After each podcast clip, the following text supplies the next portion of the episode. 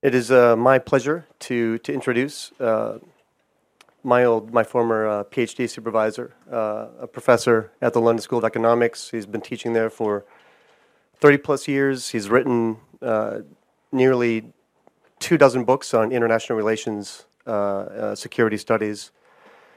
And today, he's going to be discussing is Russia on a collision course with the West? And with that, I'll hand it over to you, Christopher.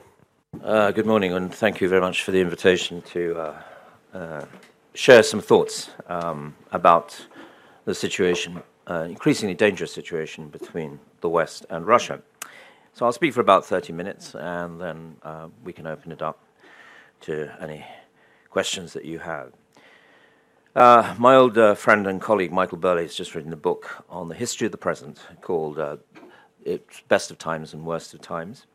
Uh, and he asks himself a question at the beginning of that book how do we write a history of now uh, with any uh, hope of accuracy? And he says there are only two, really, ways in which we can do this. We can use historical analogies, um, or we can try to find and uncover the historical underpinnings of what's happening. I'm going to try to do the second, but let's just stop for one second and talk about historical analogies uh, because people say we're in a new Cold War. Uh, others use a different uh, term. They say cold peace. Uh, Lucas Kello uh, at Oxford has uh, coined a, a, term which I quite like called unpeace, a new era in history, which is neither war nor peace, in which essentially we're perpetually in conflict with each other. Uh, for the foreseeable future. Arne Westad, my old colleague from the London School of Economics, his new book uh, on the Cold War, uh, actually says the Cold War never came to an end. Basically, we hit the pause button uh, after 1989, um, and now we're fast forwarding. I don't intend to talk about historical analogies. I intend to try to look at some historical explanations for what's happening. Uh, and first of all, uh, let's talk about a deteriorating relationship and why it has been deteriorating since 2007. What's the important thing about 2007? That was the year that Vladimir Putin went to the Munich Security Conference uh, and basically said, Our attempt to be nice to you has come to an end. We're now going to fight our own corner. And that's basically what he's been doing. So, to what extent are we responsible for this? Uh, deteriorating situation, and there's no doubt at all that we are partly responsible for it because we didn't do consequence management. We didn't even do strategy. It's very interesting that Obama, uh, back in 2012, said at a press conference, We don't have a strategy on Syria. And he was amazed about the furore which uh, immediately broke out.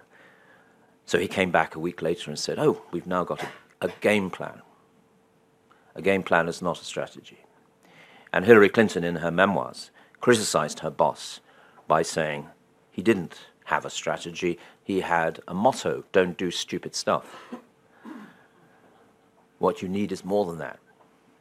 So, what did she do when she was on the campaign trail for the presidency? She came up with 84 different slogans, and she found one stronger together, which didn't help. And Zbigniew Brzezinski, one of the only two people who certainly did strategy, and thought strategically, who died a few months ago. The very last uh, blog for, uh, item that he had before he died was that Make America Great Again uh, is a bumper sticker, not a strategy. So, if all of us, I think, uh, must be held responsible for, partly responsible for what has been happening. And I remember the National Security Council, our very first report in the George Bush administration, uh, shortly before 9 11, when everything became terrorism, the very first report was on Russia. And it said that we don't need to take Russia into account for the next 15 years because it's not globalizing. And indeed, Sergei Lavrov famously said at a press conference a few years ago we're a minority stakeholder in globalization. You do globalization, we don't. Which I think is an interesting uh, insight. And then NATO enlargement, which was probably a disaster waiting to happen. Uh, and of course, ingratitude. I'm afraid the Bush administration was not very grateful for the help it received from anyone, including poor old Tony Blair, uh, who got very little back. Macron has discovered this as well. You're nice to the president, he gives you absolutely nothing back. Uh, basic. I was accused by Patrick of anti-Americanism yesterday. Well, I will say that Americans are usually not very grateful for what they receive. You know, they're the demandeur in history. They set the terms. You know, and the British were like that uh, back in 1900. So it's hardly surprising. So anyway, we didn't do consequence management. There was a, a course at the London Business School just before the financial crisis. The case study was the Royal Bank of Scotland and the Royal Bank of Scotland was supposed to be the great success story. That's my bank. It almost went bust overnight. It was saved on Sunday afternoon by the Chancellor of the Exchequer, so I could actually use an ATM machine on Monday morning. I didn't know this, of course, at the time. The course was called The Strategy of Not Having a Strategy. That's why RBS was so successful and made so much money and almost went bankrupt as a result. So you may have seen Vladislav uh, uh, uh, piece a couple of weeks ago, A Hundred Years of Solitude. Did you see that? We Russians are now going to be the bachelors, he used that term, the bachelors of the international system, unmarried to anyone, no partners. We're going to just be alone for the next hundred years because you, the West, have rejected us. Uh, Surkov is the thinker in the Putin circle in the same way that uh, Suslov used to be in the, the Brezhnev years, the ideologue. So that's what we're talking about 100 years of solitude. And that's not a Latin American novel, it's uh, a realization. Uh, so that's the first thing. Uh, however, read a book by the former American ambassador to Russia, Michael McFaul, which is very, very revealing. He was responsible partly for the reset button when Hillary Clinton said we have to reset our relations with Russia, try to make them friends. He said there was no response by the Russians. They simply were not interested in the reset button. He also makes a very interesting insight. Yes, sure, Putin likes having Trump in the White House for whatever reason, but he's done nothing. He hasn't exploited that to actually improve relations with the West. Why, McFaul asks, it's because he needs the West as an enemy, uh, essentially. Uh, it's the legitimating principle for his regime. And I no longer talk about Russia and Russian foreign policy. I talk about the Putin regime's foreign policy, because Russia is now a one man show, uh, essentially. And we have to ask ourselves why the Russians find this collision course in their interests, or why Putin finds it in their interests. And that's what I'm here to do today. Uh, second thing, the contempt for the West is extraordinary. You didn't find this in the Soviet era, partly because I think the communists were amazed that the West was doing quite so well, um, but partly because, for ideological reasons, you know, the internal contradictions of the of Western civilization, it would collapse anyway. But Marx, you know, had been a Westerner, so there wasn't this contempt that we see now. Um, what's it all about? Well, the Guardian correspondent in Moscow, who'd been there for about seven or eight years, uh, he left uh, last month, and he uh, came to say goodbye to all his friends that he'd made during his time there, including one, he said, very high level official, who he didn't name, who said uh, to him, Well, you think we're barbarians, don't you? You always have thought of Russians as barbarians. And of course, he said, No, no, no, no. Dostoevsky, Tolstoy, we love you. Where would we be without the Russian novel? And he said, No, no, don't think you can fool me. You think we're barbarians, and we are going to be the barbarians you think we are. We're going to act barbarously. And what you've seen is extraordinarily barbarous behavior by this administration, shameless behavior. So, whether it's the famous phone call with Angela Merkel, there are no Russian soldiers in Crimea.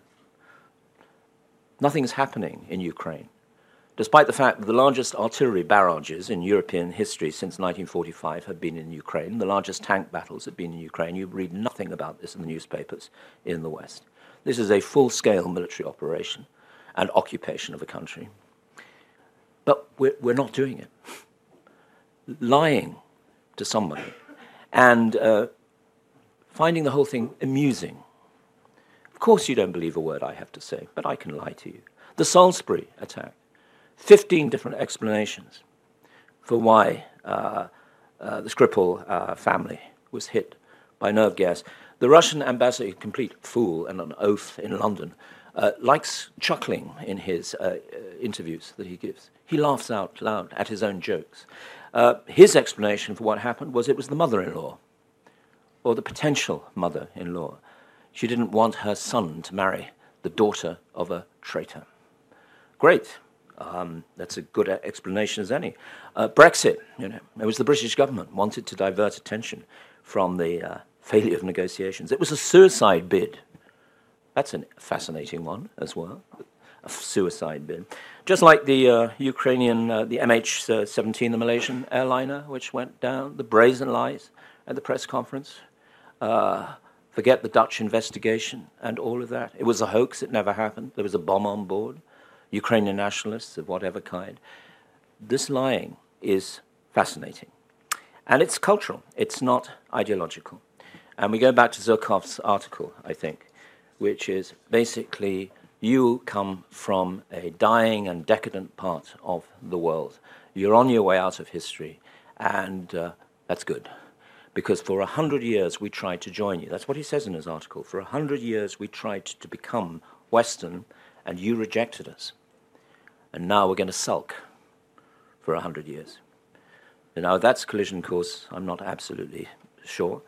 Um, here I come to the kernel of what I want to say today, because in his article he said, of course we're not Western, and we're not Eastern. We're a half-breed country.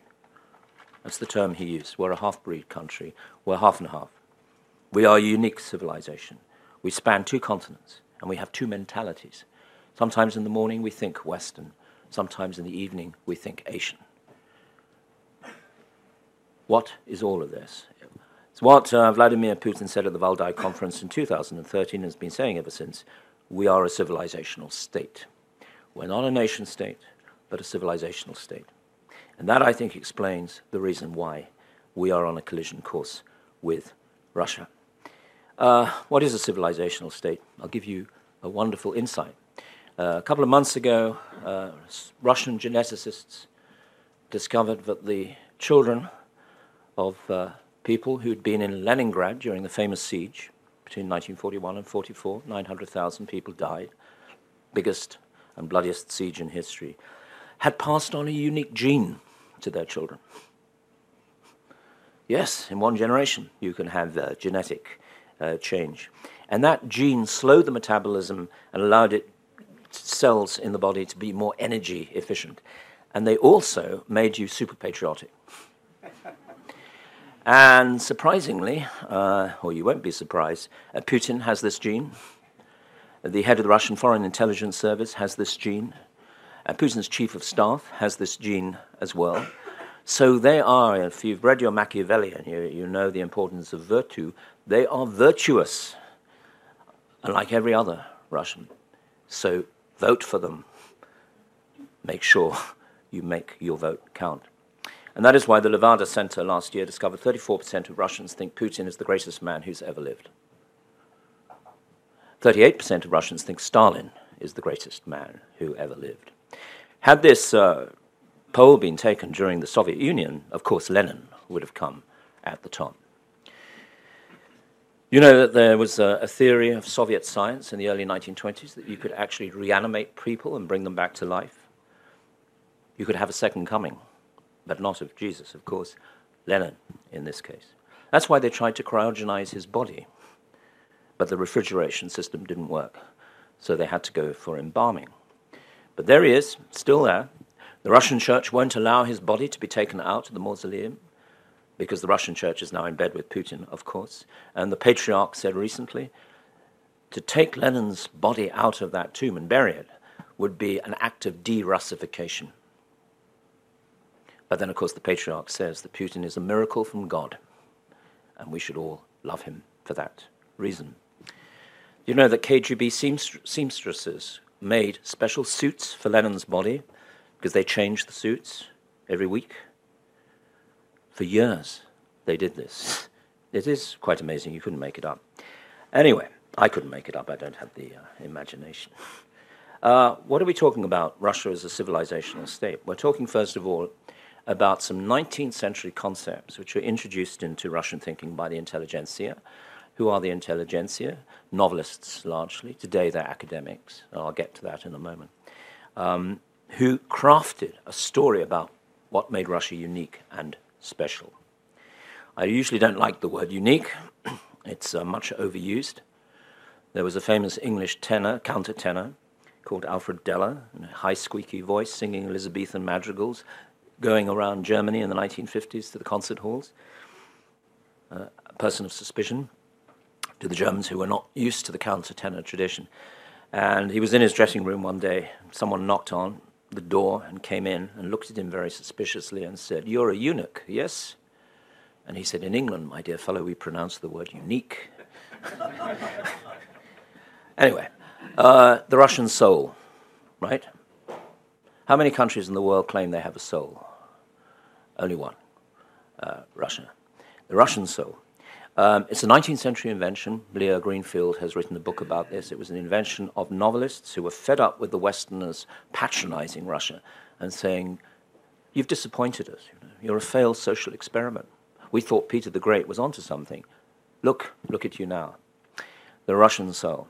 Well, Nikolai Berdyaev, who was a, a philosopher chucked out of the Soviet Union by Lenin, uh, talked about the metaphysical hysteria of the Russian soul. You're always invoking it. I remember my very first visit to post Soviet uh, Russia, 1993.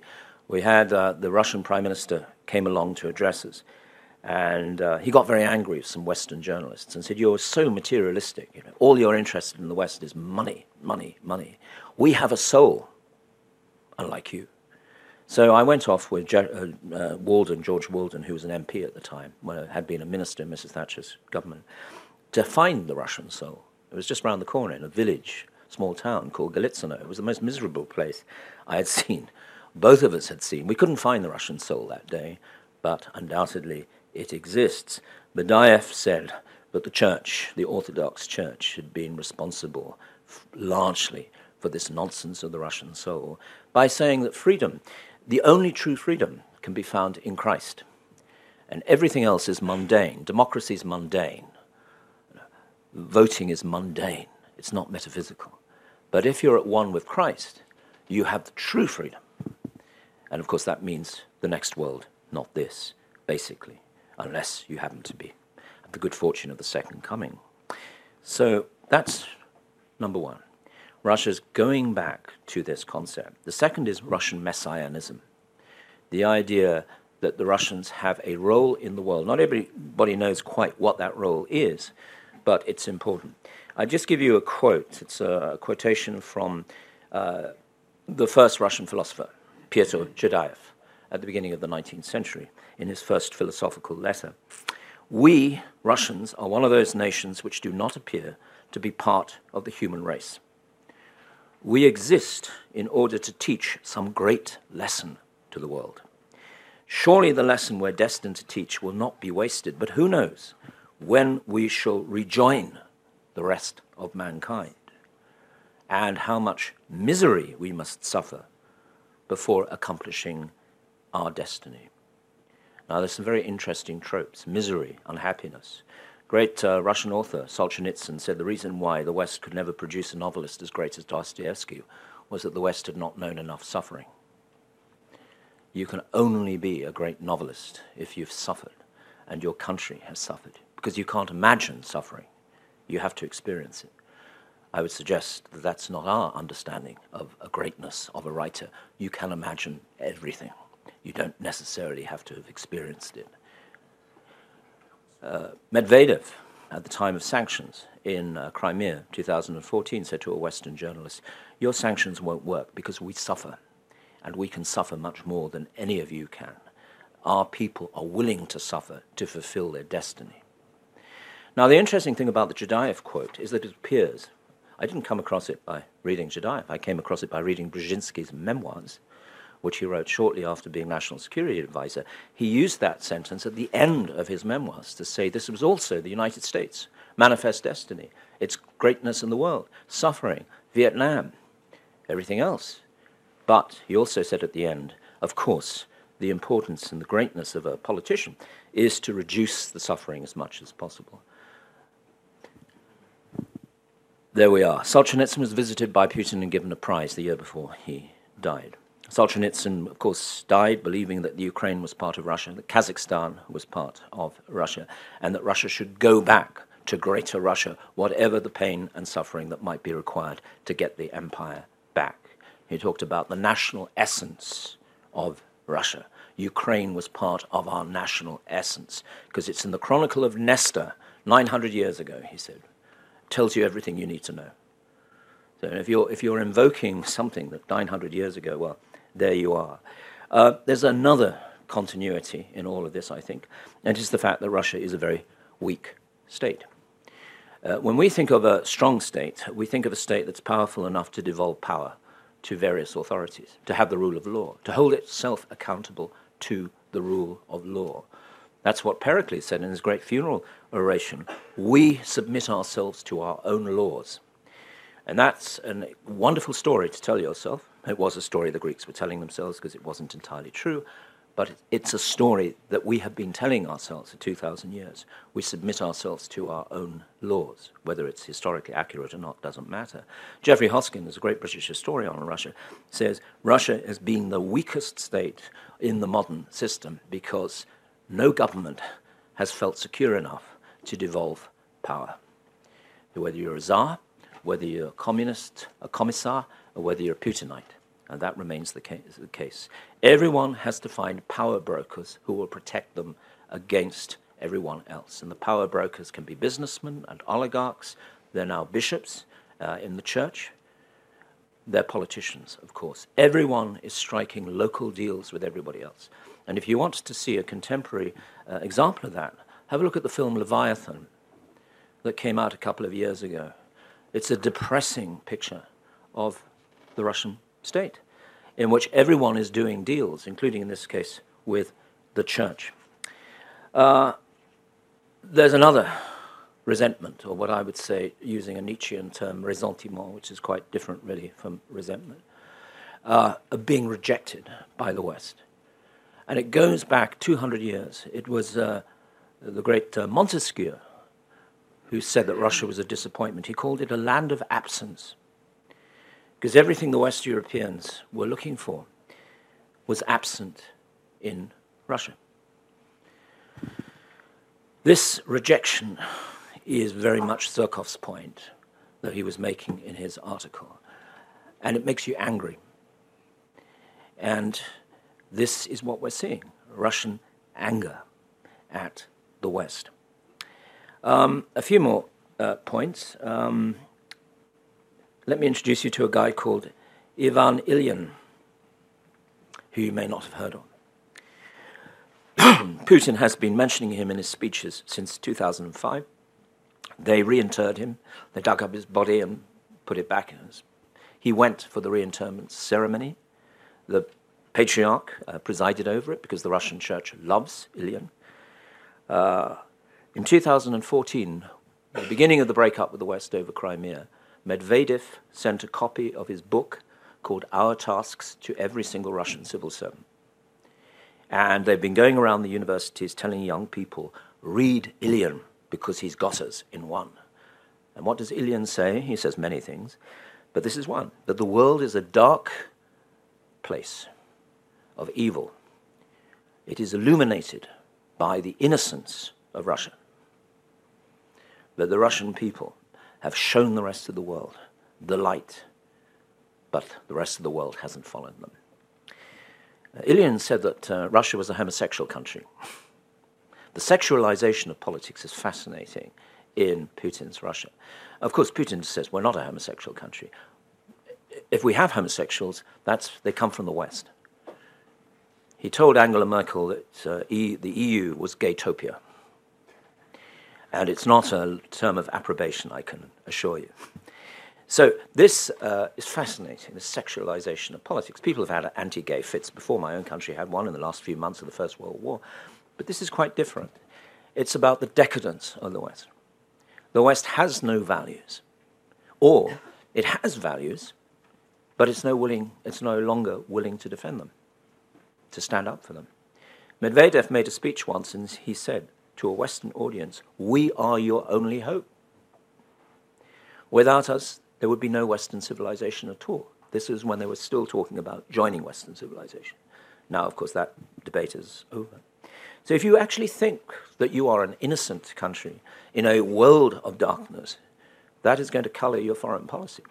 And what's all this got to do with security, you might say? Well, it's got a lot, because if you look at the National Security Doctrine of 2009, you will find some interesting phrases in that document.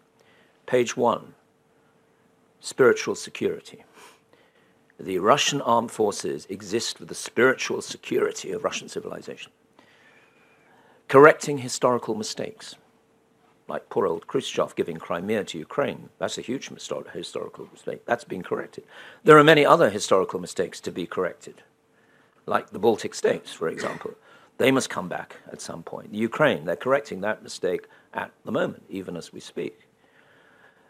The cultural unity of the Russian people, extremely important. And that means the diaspora. So if there is, Putin himself said, look, the Chinese are all in China. Everyone in Europe's in the EU, except Britain, is about to leave, but that's okay. We, 30% of the Russian people, live outside the borders of the Russian Federation. We owe them. We need to secure them. They carry our civilization with them. So it doesn't actually mean that you have to occupy the Baltic states, but it does mean that you will always take an interest in the fate of the Russian people. Uh, a few last uh, points. I would love to mention Alexander Dugin because he's such a. Have you come across Alexander Dugin? Yes. He used to be a kind of uh, guitar strumming beatnik in his early days, but then he started lecturing on geopolitics at the Russian Defense Academy. Uh, and of course, he writes lots of uh, books which are totally unreadable. Uh, Western cosmopolitanism, he says, um, is a threat to Russian identity. Uh, the real word for cosmopolitanism, he says, excuse me, is Americanism, Atlanticism, postmodernism, globalization, liberalism, industrialism. He calls for a redrawing of the anthropological map, and civilization is at the key to all of this. So, what do they teach students uh, in Russian universities these days? Because, as I said, the intelligentsia are no longer the novelists, it's the professors, people in my profession. Um, they teach them about passionarity. Have you heard the term passionarity? It was coined in the 1930s by Anna Akhmatova's estranged son, and it's been taken up in the speeches uh, of Putin. It means that you draw a kind of biochemical energy from the land you occupy, in this case Eurasia, because, of course, if Russia is a civilizational state, it's neither European nor Asian, it's Eurasian, and Eurasia is the key to all of this. Um, there's a new scientific term, it's called topogenesis, uh, and that you can study now in Russian universities. And what's the important thing about Eurasia? Genes, of course. And where the genes come from? The Tatars, 300 years of Tatar occupation, which has made Russia strong. And that's why Russia's not European. The genes from the Tatars. Uh, it's an extraordinary story, but there you are. Um, last uh, point that I want to make um, I've mentioned uh, one other thing. Ah, yes, uh, history. You have to rewrite the history textbooks. Uh, and since 2013, that's what the Minister for Culture, Vladimir Medinsky, has been doing. He's a very honest man. He believes in fake history and fake news. The Russians practically invented it, it wasn't Donald Trump. Uh, and he said at a press conference a few years ago um, there is no such thing as the truth, and there is no such thing as a fact. Um, facts exist only in the context of a concept. Everything begins with interpretations, not with facts. He could have been quoting Nietzsche, actually, but he wasn't uh, on this occasion. There are no facts, just interpretations. And if you were a loyal Russian citizen, he went on to add, you will never defame uh, your country, and you will show it in a positive light. Uh, historical forgetfulness is at the key of the Putin regime. The Russian people must be uh, forced to forget the bad things in Russian history. When uh, Anne Applebaum wrote her book on the Gulag, kind of update of Solzhenitsyn's Gulag Archipelago, she went round every single Gulag site in the old Soviet Union. There's nothing left. It's all gone. Uh, there was one Gulag, Perm 37, I think, or Perm 34, which had been rebuilt with American money to get the Russians to remember the Gulag experience. But most Russians have never heard of the Gulag. They've never heard of Stalin's terror. They don't know about the forced starvation in the Ukraine. You can't read any of this in your history textbooks because it doesn't appear. Historical forgetfulness. So, let me conclude uh, by saying that I'm afraid the relationship with Russia is going to continue to deteriorate because Russia's in a state of war, it sees itself in a state of war with the outside world, is kind of almost on a war footing now. Um, the war will take the place of constant cyber attacks, uh, constant lies, uh, trolling, social media. 10,000 social media sites have appeared in the United States in the last year against fracking. They come from the Russians because the Russians don't want the United States to be an energy exporter, as it became last year, the biggest uh, energy producer on the planet now. That will continue. Uh, the undermining of elections, the support for populist, uh, like Marine Le Pen parties, will continue. This, I'm afraid, it, we are at war with Russia. It is a different kind of war. For them, it's a fight for the survival of a regime against what they see as Western attempts to destabilize it. Um, so, is there any hope? Well, there's not much, uh, I'm afraid to say. Uh, and I'm going to end with a observation by uh, Masha Gessen, who produced a book last year about Russia, in which she said, Russia is a society that cannot analyze itself, can't put itself on the couch, because all the instruments that we use for self diagnosis anthropology, history, sociology, philosophy were hollowed out during the Soviet era. And we no longer, Russia no longer has the intellectual resources to interrogate itself. And the next generation of young Russians are being taught by professors who know very little about the subjects that they aspire to teach. And that is why I am pessimistic. Uh, but I've reached the stage of life where that is almost a kind of default mode for me to be pessimistic. As George Orwell famously said, you know, when all the other isms have been discredited, from liberalism to communism, pessimism would still reign supreme. Thank you very much.